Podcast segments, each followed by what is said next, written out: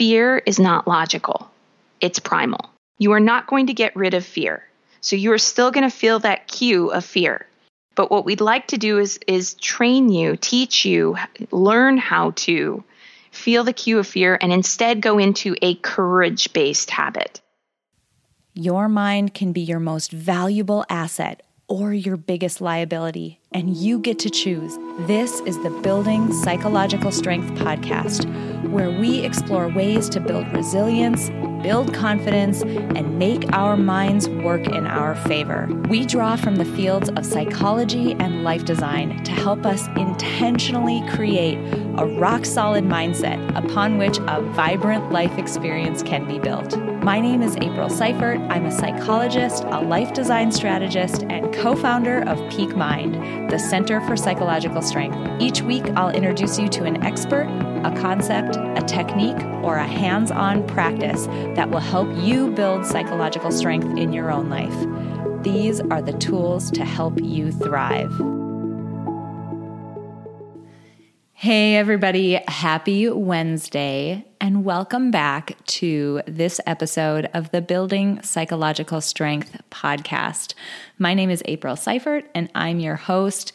And this week's episode is incredible. I'm losing my mind about how excited I am for you all to hear this week's episode. This week, you are going to hear from an amazing woman named Kate Swoboda. She has spent the last 13 years of her career in the life coaching field. Now, there's a range of people who go into life coaching and they have a range of, you know, different specialties and that type of thing. But when I think about the expertise that Kate has and how beautifully it aligns with everything that we're doing within peak mind and within you know building psychological strength within this community i'm just thrilled that we were able to have the conversation that we had Kate is actually the author of an incredible book called The Courage Habit, and that is what we're diving into today in her interview.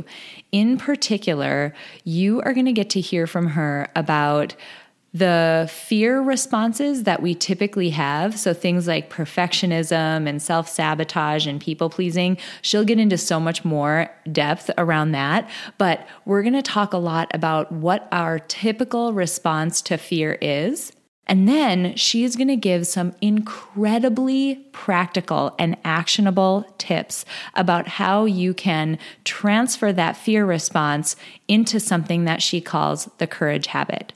So, how can you use slightly different behaviors and a, and a very specific set of behaviors that she's going to go through? There's four.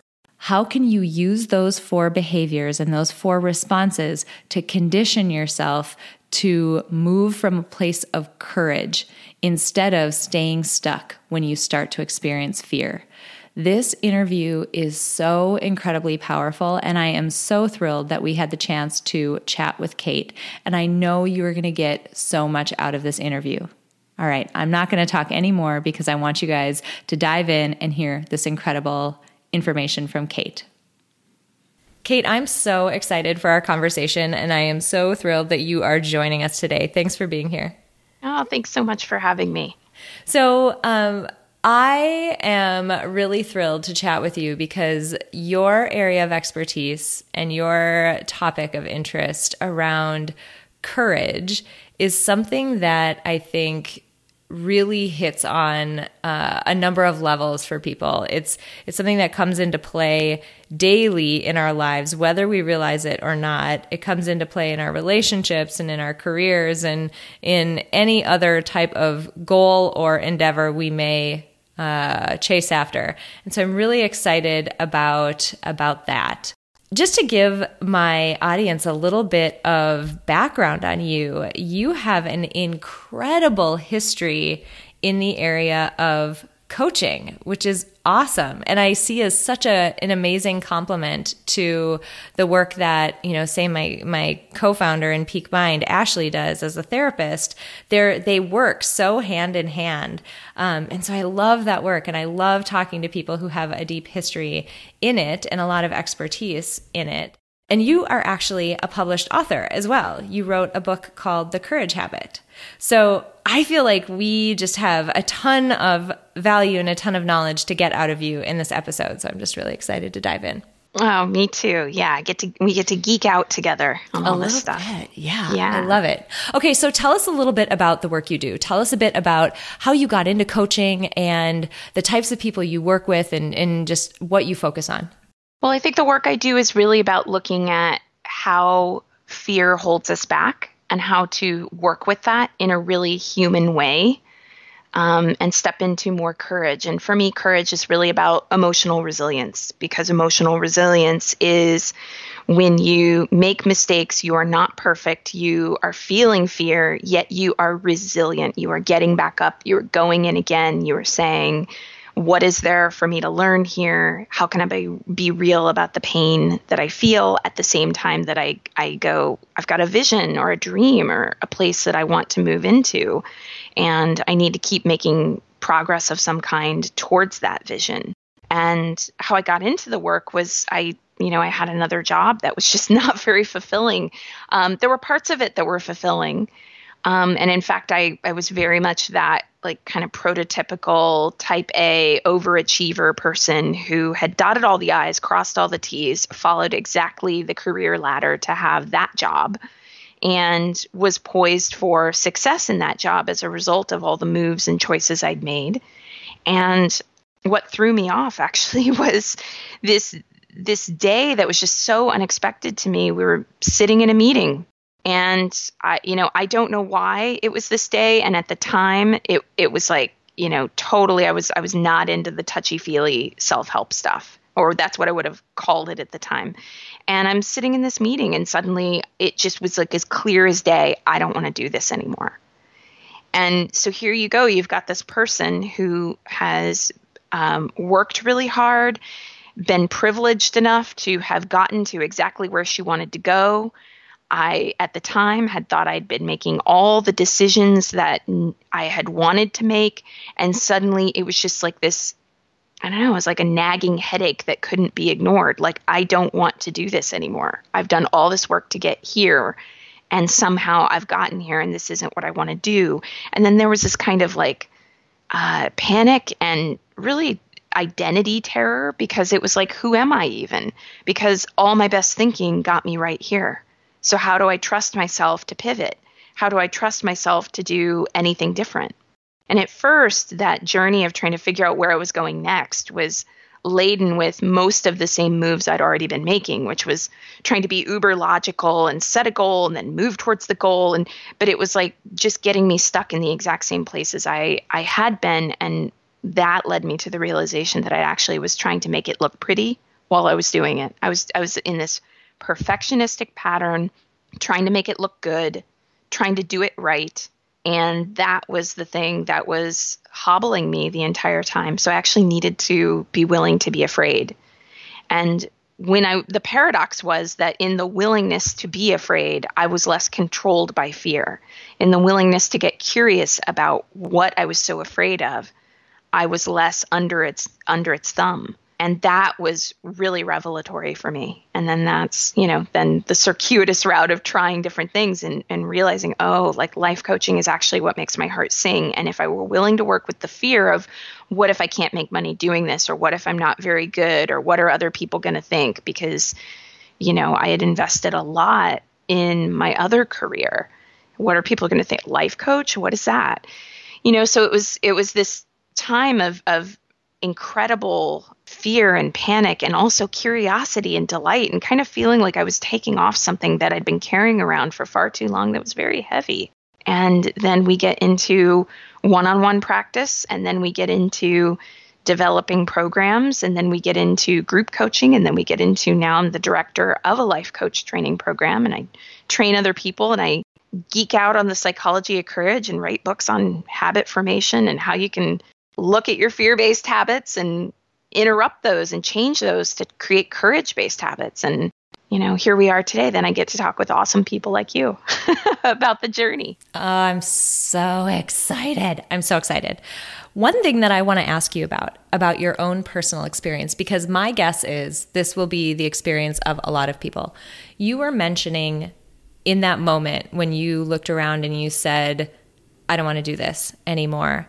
And you mentioned that up until that point, what you realized is that you were trying to do things perfectly. You were trying to, you know, make sure that outward facade looked really good when um, and, and here's kind of the direction I'm going. Did did you feel like in retrospect that that concern that you had for looking good, for looking perfect, how did that hold you back? I'm not even going to ask you if it did because I think that it goes without saying that that holds us back. But how did you find that that held you back? Like, what would you have done that you weren't doing because you were afraid that you might not look perfect? Does that question make sense? I feel like I rambled a bit, but well we can unpack it a bit like as i'm as i'm answering like what yeah i really like how you how you put it like what would you have done that that you were afraid i mean you know um well anything it's kind of funny that we're talking about this now because we had a little pre-session talk where we kind of touched on this. I mean actually i wanted anything with a credential. I liked I, I found security in the world of credentials. I found security in the world of advanced degrees. I found security in the world of what you know you know? Being in a room and being able to go i'm smart and i can play off of my smarts and i can use my smarts to leverage things and I found security in logic. I mean, you know, it I don't think it's an accident that around the time that I started to have this this kind of I mean, I could call it an unraveling, but I don't mean it in the way people typically do. People typically, when they say unraveling, they mean like totally having a, a, breakdown. And when I say unraveling, I just mean there were all these kind of knots that I had knotted myself you know, I'd, I'd, I'd, tied one knot when I said, this is the degree I want. And I'd set, tied another knot when I said, this is the job I want. And I'd tied another knot when I, you know, it's like, so I kept tying these knots and I just had to unravel my own knots. And it was super scary because, I mean, again, with this metaphor of security, a knot is something that, that you can grip, you know. I had to release the grip. And I don't think it's an accident that around this time I got into reading about Buddhism, Zen Buddhism, Pema Chodron, um, the the the terrifying title of her book, "When Things Fall Apart," which I recommend to people. You know, like things had to fall apart a little bit, and that was the thing that I was most unwilling to do. And you know, at the time that I made this shift, I was 25, 26 years old, and you know, when I first began moving into life coaching in particular, it was, well, who are you to be a life coach? You're so young, you know? Mm. Oh, so like, I had that same hang up, by the way. That was like, that was my inner critic person. That person always told me, you're too young. No one will take you seriously. And it wasn't until I looked around and realized that I'm almost 40 years old and I still feel that way that I realized how dumb that was. But keep going. I totally interrupted. Well, no, it's totally fine because I mean, nobody nobody says you're too young to be an accountant. Nobody says you're too young to be a doctor. Mm-hmm. Nobody, you know, like like and and this therein lies the safety of the credential, right? Like people don't understand that life coaching is actually a skill set that requires training, practice, and and beginner's mind and humbleness. I mean, you know, one of the things that that I think is so important is to continuously be learning and I'm I love learning and it's it's I mean that's that's the the piece that's so hard. I had an entire identity that was frankly built on my achievements, my credentials.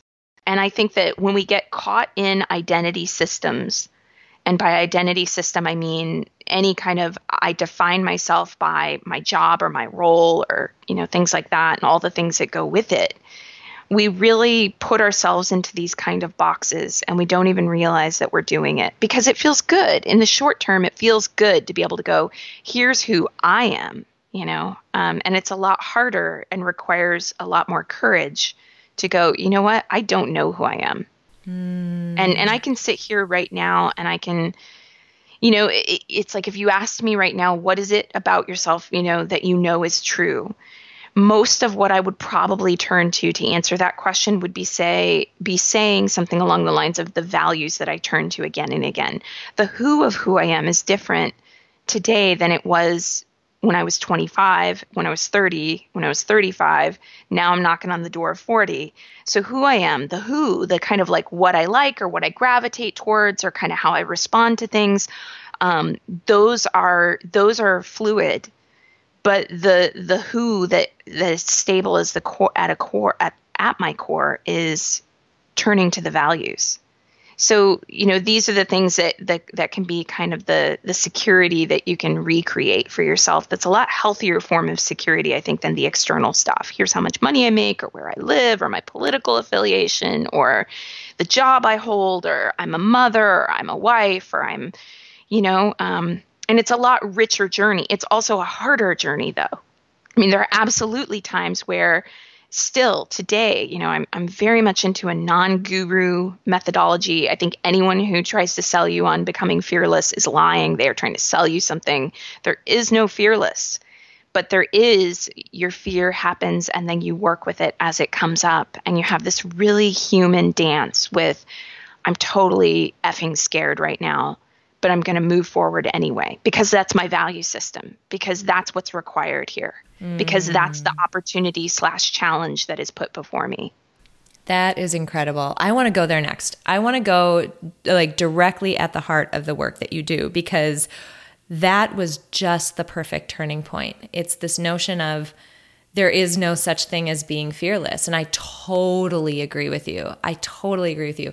It isn't that you know, uh, we aren't hardwired as human beings to be fearless. That would be the most evolutionarily reckless thing ever. Like yes. we wouldn't have survived. So it's learning how to move forward in spite of it, learning how to sit with it, learning how, like, when you should trust it and when you should push it, that I think is really the art to it. And I'm just so excited about your particular area of expertise.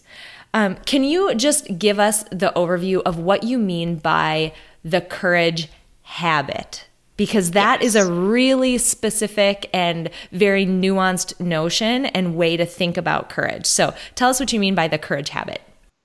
Okay, so people, when they think of habits, they think of things like remembering to brush their teeth or going to the gym at the same time every day. But what they don't often realize is that psychologically and this bears out in the research everything that i'm i talk about in my work i pay homage to the people who have come before me. I'm not a clinical researcher but i'm taking what they have researched and found and amalgamating it and seeing what the practical application is for people's lives. So um, these are not like brand new ideas invented by me. This is this is me saying here's the the working theory that i see bearing out so, psychologically, there are behavioral habits that we are engaging with all the time and we don't even realize it. How you behave when you're in an argument with your partner. That is a behavioral habit. This is why you keep having the same argument about the dishwasher, even though it's, you know, and like how it should be loaded, right? Even though it's a different year, okay? Because the same behavioral habits and impulses and responses to conflict are playing out on a habitual level, unconsciously. And the same thing happens with our fear. When we feel cues of fear, we go into one of four and sometimes more, but usually one's a biggest a bigger hook, one of four predominant fear patterns and they are perfectionism, people pleasing, pessimism, or self-sabotage. So we feel a cue of fear and this is what's happening in the brain. We go into a routine that is a fear based pattern. That routine is a response to the cue of fear. And that routine is designed to get us to the reward. And people might go, What do you mean reward? I mean, pessimism is not very rewarding. But to a part of the brain called the basal ganglia, which is very, you know, highly important for habit formation. The basal ganglia is just, if I can personify the basal ba- ganglia, and I always yeah, neurosurgeons, I'm sorry, I know this is getting very simpl- simplified and reductive. the basal ganglia. There's probably only like one or two of them listening, so go ahead and offend them. Yeah, I'm just kidding. I, just, I always I'm worry kidding. about demeaning their work. I'm like, oh, like I'm, I'm not trying to take very complex things like how the brain works and put them into like these overly simplified um, examples to to diminish what you do. So bow down before the brain surgeons here. But basically, the basal ganglia, its role in habit formation is to take the stimuli coming at us at all times and go, what do I do with this? The basal ganglia, the brain, does not like stress. It does not like encountering things it doesn't know what to do with. That's why we're constantly using existing schemas to figure out how to handle things. So when you feel that cue of fear, the basal ganglia is going, What do I do with this? Well, let's see. Last time you were really intimidated by the idea of changing jobs, you went into perfectionism mode, which got you the short term reward of feeling like you were in control. Much better than this, oh my God, who am I even? You know let's go into perfectionism. Let's start goal setting and you know like which is the example i described at the top of our call today which is mm. you know mm. all about trying to be like little miss perfect and make it look good. Sometimes people in response to their fear go into people pleasing. Somebody wants to write a book maybe. They feel fear about what it'll take to write that book. And then they go into people please you know what? My kids are so young. It's not the right time I would take so much time away from my job if I took a little time off to work, you know, and that gets you to that short term reward of decreasing stress. That's the big thing to understand is that when it's a short term reward of decreasing stress, you lose the longer term gain of being able to build resilience. So here's where the courage habit comes in. You are not going to get rid of fear. So you are still going to feel that cue of fear. But what we'd like to do is is train you, teach you, learn how to feel the cue of fear and instead go into a courage-based habit, a habit that builds your resilience so that you can get the longer term reward of being able to meet those challenges that you feel and still keep moving forward. And instead of perfectionism, people pleasing, pessimism, self sabotage as fear based routines, we want you to step into courage based routines. And those, as borne out by the research, are accessing the body, listening without attachment to what your fear is saying. Listening, just don't get attached. Reframe limiting stories and reaching out and creating community. So if you can teach yourself, and and the good news is, anyone who has ever broken a habit and replaced it with another one, you already know how to do this. You know how. It's not easy, but you know how. You feel the cue of fear, and instead of going into a fear pattern, you interrupt that. You go, oh, hold on a second. I'm starting to go into pessimism, or I'm starting to go into perfectionism. Let me slow down and access the body. Or let me listen without attachment. Or let me reframe limiting stories. Or let me reach out and create community that's how you deconstruct fear based habits and create what I call the courage habit. This episode of the Building Psychological Strength podcast is sponsored by the Peak Mind Starter Pack. If you're ready to start building psychological strength, you can get started absolutely free. Begin building psychological strength with a set of hands on mini modules designed to create massive shifts. Inside the starter pack, you'll get access to three different modules. Module one is the self identity diagnostic, which will give you an insightful boost in self awareness. Module number two is Life Blueprinting, a powerful introduction to the field of life design. And Module 3 is a simple mindset hack that'll help you cut down on unnecessary anxiety, anger, and guilt. Once you're enrolled in the starter pack, you can go at your own pace. And we've made it absolutely free because we want as many people as possible to benefit from this work. Your mind can be your most valuable asset or your biggest liability, and you get to choose. What choice are you making? You have nothing to lose and mental toughness, resilience, and confidence to gain. Get started for free today by visiting www.peakmindpsychology.com and get enrolled in the Peak Mind Starter Pack. That is so powerful. That's so incredibly powerful. And something that I want to make sure people get out of this because this feels really fundamental to understanding just how powerful what you said is. When you think about any any goal, really any goal. And I'm going to use this example of of downhill snow skiing from when I was a kid. Um, when I was a kid, I I would go to uh, the ski place that was close to where I lived. And I remember at one point someone told me, you know, I was trying to get better at skiing and I was plateauing out. There was only, you know, I could only go down a run that was of a certain complexity and I wasn't getting any better.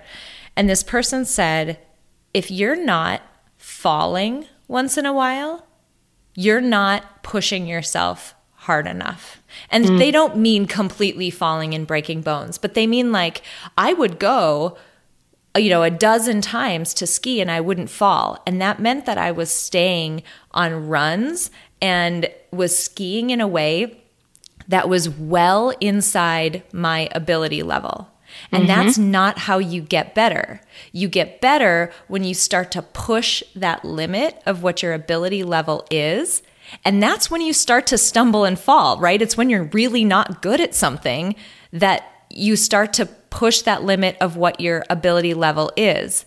And it the same goes and that same analogy goes in everything else. So you feel that fear, right? I would I would start going faster than I would normally ski and I would feel that fear and I would immediately retreat back and slow myself down. That's mm-hmm, not how mm-hmm. you get better, right? And so, in the same way, exactly what you're saying, if you want to go for a bigger job or you want to strive for a bigger goal or you actually want to understand where your real potential is, because your your real potential is nowhere near that comfort zone you're in. It just isn't. But if you actually want to understand where your real potential is, you're going to have to do, and this is why I'm like pounding on the table and on this soapbox right now, you're going to have to do what what Kate's saying. You're going to have to learn how to feel that fear and keep going anyway because otherwise you're never going to push that limit and you're never going to get better. Absolutely. Yeah. I mean, there's so many arenas for this and um, you know that that are, are even outside of i love i mean you you so get it that example is so perfect it's like I, I look at like relationships because how people argue and how they handle conflict is often so entrenched by the time they get into a long term partnership mm. like a mm. marriage. And it's like, you know, people have asked me before, well, hold on a second. I keep having the same argument with my partner, and then I get a pot shot in. And then, like, what's the reward in that? You know, that's not a reward. But it is because in that moment, you might momentarily feel more in control. Or just, it can be as simple as in that moment, it's what's comfortable for you to get a pot shot in. Maybe you had 20 years of watching your parents do it before you ever got into relationship with anyone. And that wires your neurons, it wires your psychology. And the big thing though that that is important to understand is that this is changeable stuff. You know, it is not just because you have experienced trauma, you will always experience trauma. It is not just because you were afraid of something last year, you will always be afraid. It is not just because this is what you, it, it, like, this is a, a, a growth mindset. And if you decide, I want to be a more patient person, or I want to get better at handling money, or I want to do something really physical. I mean, CrossFit is, you know, as you were talking about, downhill skiing, CrossFit is my thing. And like, you know, yesterday I was at the gym doing a power clean and you know, it's like I was dropping the barbell. I could not get it all the way up on with the weight that I was at. But I, you know, when I first started CrossFit, I couldn't even get a 15 pound barbell up. So attempting 85 pounds yesterday is a good thing for it's me. Pretty so big I'm, deal. I'm happy with that. I, it's a big deal to me. So it's it's that thing of of you know you are going to fall down and that's very human and one of the huge misconceptions that can easily happen for people when they hear me break down the fear patterns and the courage habit and all that is that somebody might go, uh, "This is so great. I yes, I'm a classic people pleaser. I'm going to stop that. I'm going to stop it right now. Next time I feel afraid, I'm going to go straight into accessing the body or reaching it." And it's like, know how it's probably actually going to happen is that you're going to feel the cue of fear, go into people pleasing, and be, you know, five yeses in when you really want to say no, when you're going to go, oh, shit. You know what? I did I it talk. again. Yep. I said yes to that. I should have said no. You know, and and the the component parts of the courage habit, which are all backed by multiple psychotherapeutic modalities, you know, cognitive behavioral therapy, narrative therapy, dialectical behavior therapy, all all kinds of stuff like that. Research that's been done that's been done across different populations, addicts, people with eating disorders, people with anxiety and depression.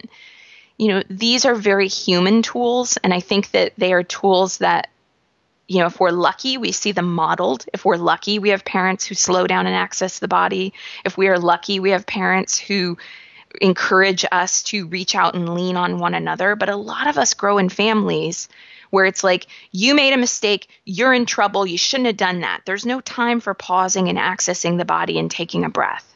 Or we've got families where when there's conflict, people isolate instead of connect. And, and so it, it really is going to be a learning process and it's going to be a hard one at the beginning. But uh, to me, why would you let the fact that it's hard at the beginning stop you from a lifetime of all the benefits? Um, it's just, yeah. I mean, lately I've been saying to people because this occurred to me a couple months ago, and it, when it occurred to me, I went, "Whoa." This work has a 100% success rate. Mm. Like, if you actually go into the work of looking at where fear gets you stuck and deciding to practice something different. Even if you hear what I suggest and you're like, yeah, that's not for me. Yoga is what I want. You know, okay. I think yoga is accessing the body, but okay. You know, if, if yoga is what you want, like anything you do to look at your fear and decide to practice something that will help you to become more emotionally resilient, it has a 100% success rate. There's there's no illness in the world, like clinical illness, for which there's a cure that is a 100% success rate. But with this, it's doing the work and that's all it is. Now, I say that's all it is like it's so simple. It's not, it's hard. But if you're willing to do the work, it's a 100% success rate. Bet on the odds. That's incredible. I would love if we could dive in, since this is such a big deal. I would love if we could dive into those four, um, you know, courage responses, or what? What did you call them? The courage habit, the four component parts of it. Love it. I would love it if we could dive into each one of them so that so that we can give people a really clear understanding of what each of them looks like when they're in the face of fear so they can have that tangible example in mind to think about how they might apply them. So can we run through each each four of them and just give a tangible example? Absolutely. Yes. Okay. So I'll go with workplace stress, which is a huge thing that I end up talking with people about when oh, I man. like all the corporate, time, all corporate the time. gig or speaking, you know, to corporate. And so many people are in a position of like, I have a job, I'm not going to leave the job, but I need to manage workplace stress. So you got the workplace stress, you've got too many things coming at you at once, you've got silos between teams, you've got maybe a boss who takes stuff out on other people, or you've got ineffective management and everybody's just trying to like deal with that workplace stress. Well, here start with first access the body. Now, with the courage habit tools, you can do any of them. Um, but I personally like to start with accessing the body because fear is not logical, it's primal if fear were logical, all any of us would ever have to do is sit down and chirpily go, Well, what's the worst case scenario? I can handle that. And then we'd never feel afraid. But if that worked in all cases, then nobody would ever be afraid. So, access the body. You got to slow down and you got to look at the feelings of fear, which means you have to recognize the fact that they're happening. You got to feel the fear sensations and you can do that with basic mindfulness. You can do that with meditation. You can do that with running, CrossFit, downhill skiing, as long as you're doing it with a conscious intention of discharging the stress that you feel. So it's not just go to CrossFit and do the WOD, it's go to CrossFit and be conscious of the fact that, like, today I need to get some aggression out because I'm really tense. Um, and there's a really productive way to do that, and that is to just simply go, okay, let me pay attention to what it is that I'm feeling in my body. I don't need to move it, fix it, change it. Just let me pay attention to it. So that's accessing the body. The second piece would be listening without attachment. So you're listening to what the fear is saying without assuming that it's true or it will always be this way. And my favorite example of what that process can look like would be if you're standing on the street waiting to cross and somebody who is very clearly drunk walks up to you and says, You've got blue hair. If you know you don't have blue hair, you don't sit there going, "Gosh, I don't know, did my hair turn blue overnight?" Blue Maybe, yeah. Like it, it's not about giving no fucks okay? Which is kind of another self-help ism that i'm not into. When people are like i don't care what other people think i'm like you're a liar. Everybody cares about the hurtful nature of people's criticisms. You might not care to a degree where you take that with you let it limit you take it on as something about who you are but you care that another human being is being hurtful so listening without attachment is going okay when your fear is telling you that this job stress, my boss, they're going to fire me. I have too much to do. I'm never going to meet that deadline. It's listening without attaching. So you listen, it's like, okay, my fear is telling me that my boss is going to fire me. My fear is telling me that I can't get this done. Fear is saying these things. They might not be true, but that's what fear is saying. So slowing down and depersonalizing it, that's listening without attachment. And I, I often think that listening without attachment it, it can be helpful on its own but it's really powerful when paired with the third part of the courage habit process which is reframing limiting stories. This is not reciting positive affirmations. This is not the law of attraction. Reframing limiting stories is a has been studied with multiple populations as i mentioned huge in acceptance and commitment therapy, dialectical behavior therapy.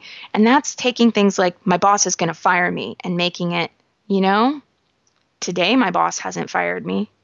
I'm going to show up and do my best. Or I'm never going to meet that deadline. Let me take a piece of it and see how far I can get.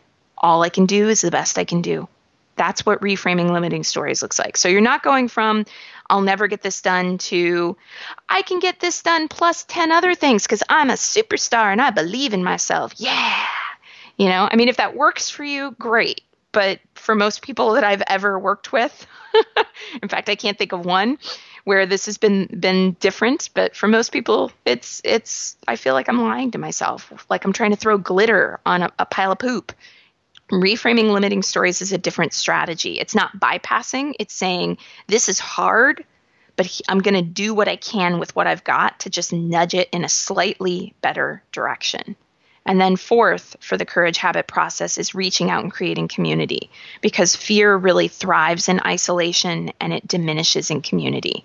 So, if you think that your boss is going to fire you, you got to call up your husband and go, Hun, I am just sitting at my desk and I'm panicking. Can you talk me through this? Or you got to talk to a coworker or you got to listen to a podcast on building psychological strength, right? Like community isn't always the people who are like, you know, right next to you. It's also the people you build community with by hiring a coach or listening to people who share your values on a podcast or reading a book. So reaching out and creating community because that fear cannot continue to grow when you are getting that additional support. So, one more time, it's access the body, listen without attachment, reframe limiting stories, reach out and create community. You can do one of them if you want. You can start anywhere. It's not that you have to do it in order. And it's most powerful if you're doing all of them. That is huge. That is so huge. And so much of that, it's we're so in line with a lot of the work that we're doing. I just adore it. Um, I love that you mentioned acceptance and commitment therapy. That you know, for for folks who are in the Peak Mind Center, who are you know members with us, we don't we don't you know present a lot of the work that we do from the perspective of this is this theory and here's exactly what it's called and whatever but it you know, acceptance and commitment therapy and related modalities inform so much of what we do because they cause such incredible shifts for people. And I just adore the four pieces that you just took us through and how how practical and actionable they are because you can really see you know, your last example of creating community, right? You can totally see how as you start to talk through the situation that you're in or whatever it is that that has you afraid you know when you're silent about something that you're afraid of it, it just allows your your mind your subconscious mind and even like you know the the the part of your mind that you're aware of you know your conscious mind it allows it to just you know rehash and rehash and rehash something that is very likely not true.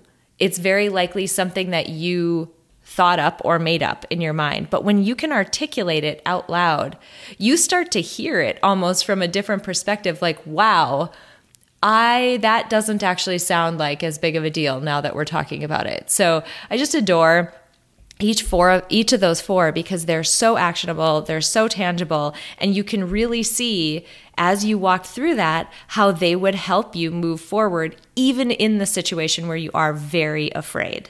And I just yes. love that. Yeah. You're not going to get rid of the fear. The fear is going to be there. It's just have it ride sidecar, not be in the driver's seat steering mm. which way you go or whether or not you put on the gas or the brakes. And and you know, recognizing your particular fear patterns. I think we all do all of them, the perfectionism, people pleasing, pessimism and self-sabotage.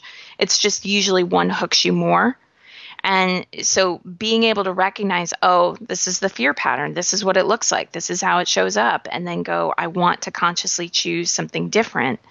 That's what it looks like in the moment. And it is it is hard stuff. It is hard stuff to learn how to um, become more patient or to decide that you want to adopt a, a more positive attitude or you know to do something different behaviorally but again, the hard is temporary. It's just so temporary when weighed against the benefit of the rest of your life. And speaking of different therapeutic modalities and geeking out on this stuff, I mean, I I fancy myself something of an existentialist, which means that I I actually like use in my life this this very real fact which is that all of us are going to die.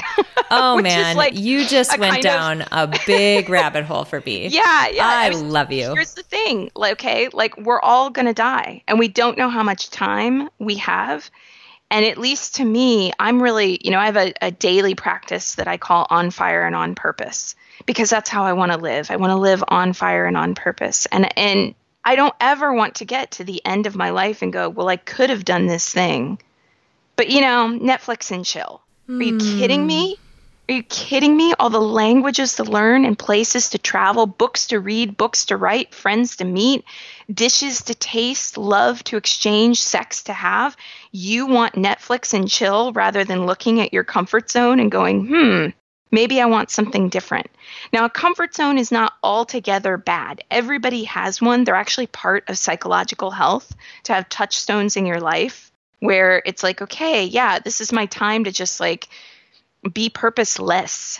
Okay. I, I mean, I do Netflix and chill in my own life too, but it's not the the bulk of of my day. And that's the thing that I really want to get people on fire around is that, you know, for anybody who is living a life where you're just doing the job, where you dot the I's and cross the T's and it doesn't light you up, maybe you're not going to, you know, ditch that job and go travel the world. But hey, okay, in the job that you have, how can you show up as a leader? How can you make someone else's day great? And I mean, it sounds really geeky and silly, and I get that. But once you get turned on to it, it's it's just such a more alive way of living. I was just talking with someone the other day about this game that I play every time I'm at an, air, I'm at an airport. And it's the game. I, I, had never talked about it before until she she and I happened to talk about it. I was like, oh, so there's this game I play. In my head, it's how can I make someone's day today?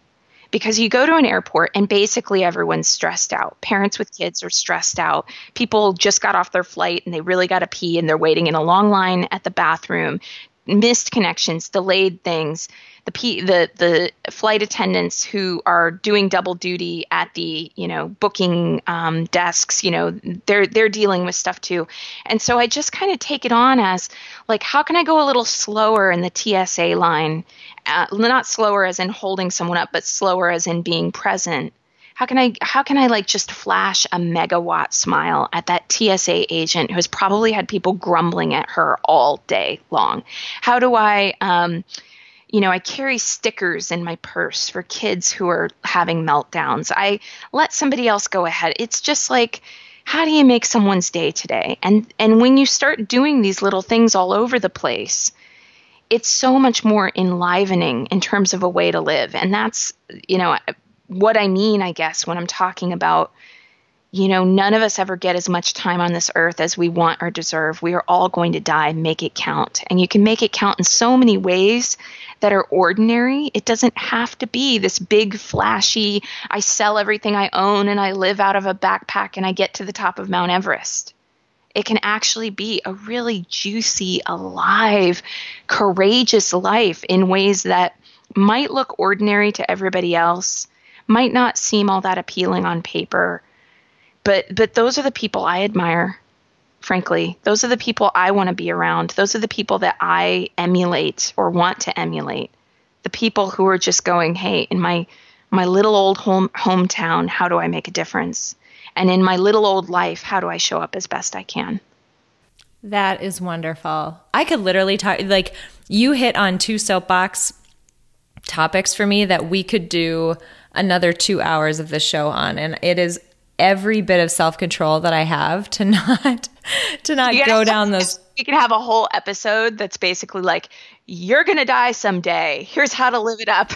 yeah. Yeah. In the in the previous uh previous life of this podcast, um it's episode 39 and 40 if you want to hear. It's just me screaming basically about that that very topic and why people should care and why that alone if you so I, I run a program twice a year called Life Design Lab and that fundamental piece time is the most non renewable resource on the planet. You don't have time to waste and don't get to the end and regret. That is the catalyst that we begin that program with. Because if you can get your head around that and not get too scared and push it away, if you can actually go down that rabbit hole, your life opens up. The oh, courage you get from understanding how important it is that you step out of that comfort zone, that's some serious stuff. But again, I would go down a rabbit hole, and I can't do that right now. um, as we're wrapping up, I have two more questions for you, and then I want you to give us some information about where to find you. Um, question number one I would love for you to give us your definition of psychological strength. What does it mean to you to be psychologically strong? Well, I think it's courage. And I think that it's the courage to let the truth of who you are on the inside be how you actually live on the outside.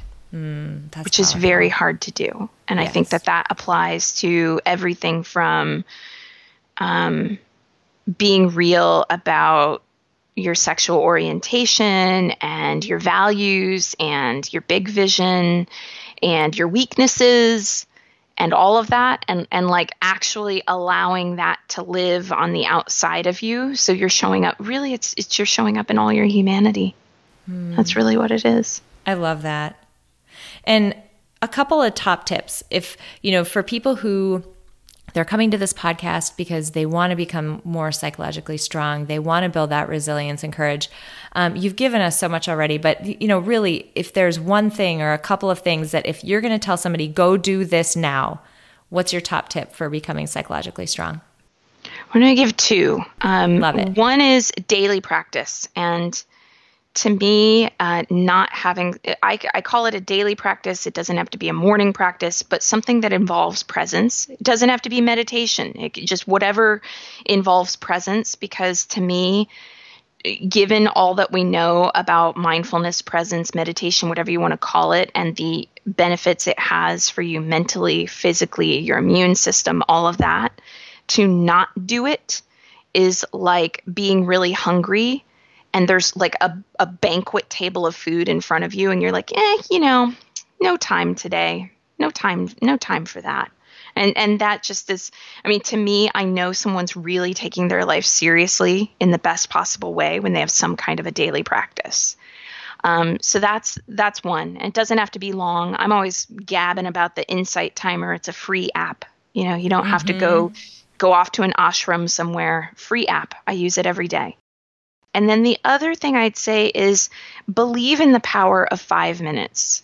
You know, people really have a tendency to go, okay, mon- you know, there's a lot of research that goes into the preparatory phase of, of change for people, whether that's literally research or just queuing a lot of your friends up and going, what do you think? Or debating about it mentally. And it's just like all that time trying to research it and contemplate it and all that, like just try putting five minutes in in whatever direction you're trying to go. Mm. Five minutes on the novel is better than no minutes on the novel.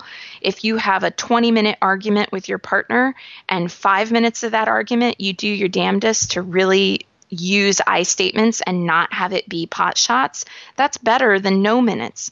Five minutes of meditation is better than no minutes of meditation. Five minutes of walking is better than no minutes of walking. If you think about it, it doesn't make logical sense what humans do when we tell ourselves, well, you know, I don't really have like a good half hour carved out for that. So, you know, I'm just going to do it tomorrow. That makes no sense. you know, like five, if, if you really want to get more artistic, creative expression in your life, five minutes of drawing is better than no minutes of drawing. It's just believe in the power of five minutes. Oh man, we really could sit here for two more hours. I'm just dying. I have about 700 more questions that I wish I could ask you because you are just a wealth of knowledge and not just the ability to recite theories and, and facts, but you are a wealth of practical knowledge that is exactly the stuff that will change people's lives. Exactly the stuff that will help them find. I mean, one of my biggest goals with people is to help them find what that actual true potential is. Not the one that's inside the comfort zone, but what is it? Like how how good could you actually be? How big could you actually be? How much could you actually, you know, attain if you stepped out a little bit more? And man, the stuff that you are sharing is precisely the set of techniques that would help people get to that point. So this has just been awesome.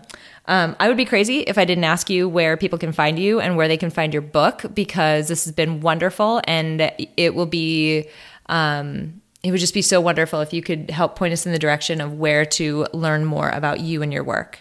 Well, The Courage Habit is my book, and it's on Amazon. It's at booksellers, Barnes and Noble, all that. So um, it's it's out there in the world, and there are some free resources that go with the book that you can get by going to yourcourageouslife.com forward slash begin. You can find me as Kate Courageous on all social media channels except Facebook. Facebook, I'm Your Courageous Life. And uh, other than that, you know, just bopping in there, Kate Courageous or Kate Swoboda, and you're going to find podcasts and articles and teleseminars and all that stuff. I love to have these conversations and it's it's really been an honor to be here today. So thank you for having me. Kate, I can't thank you enough. This is just amazing and I am absolutely thrilled. So thank you so much for being with us on building psychological strength. It's a simple fact that nearly everyone in the world could benefit from building psychological strength. But not everyone will put in the time and effort to do so, but today you did. Thank you so much for listening to this episode of Building Psychological Strength. Now, if you're interested in building the mental toughness, confidence, and resilience you need to thrive through life's ups and downs, visit us at www.peakmindpsychology.com. Also, if there's someone in your life who could benefit from this episode, please share it with them. And if you yourself found this episode valuable, meaning if you took away even one insight that you can use to build psychological strength in your own life, we would so appreciate it if you would drop us a rating and a review on iTunes.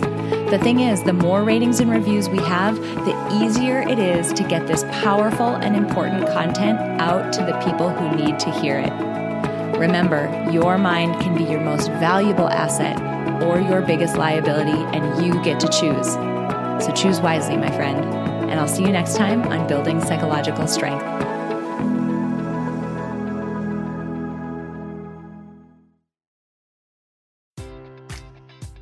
Enjoy all your favorite sports like never before at BetMGM. Sign up using code CHAMPION and receive up to $1,500 back in bonus bets if you don't win your first bet. When you register with BetMGM, you'll get instant access to a variety of parlay selection features, live betting options, and the best daily promotions in the business. And with BetMGM at your fingertips, every play and every game matters more than ever. Remember to use code CHAMPION and receive up to $1,500 back in bonus bets if you don't win your first bet. Place your money line prop, or parlay bets with the king of sportsbooks today. BetMGM and GameSense remind you to play responsibly. See BetMGM.com for terms. 21 plus only. Virginia only. New customer offer. Subject to eligibility requirements. Rewards are non withdrawable bonus bets that expire in seven days. Gambling problem? Call 1 800 Gambler. Promotion. Promotional offer not available in Washington, D.C. At Parker, our purpose is simple. We want to make the world a better place by working more efficiently, by using more sustainable practices, by developing better technologies. We keep moving forward.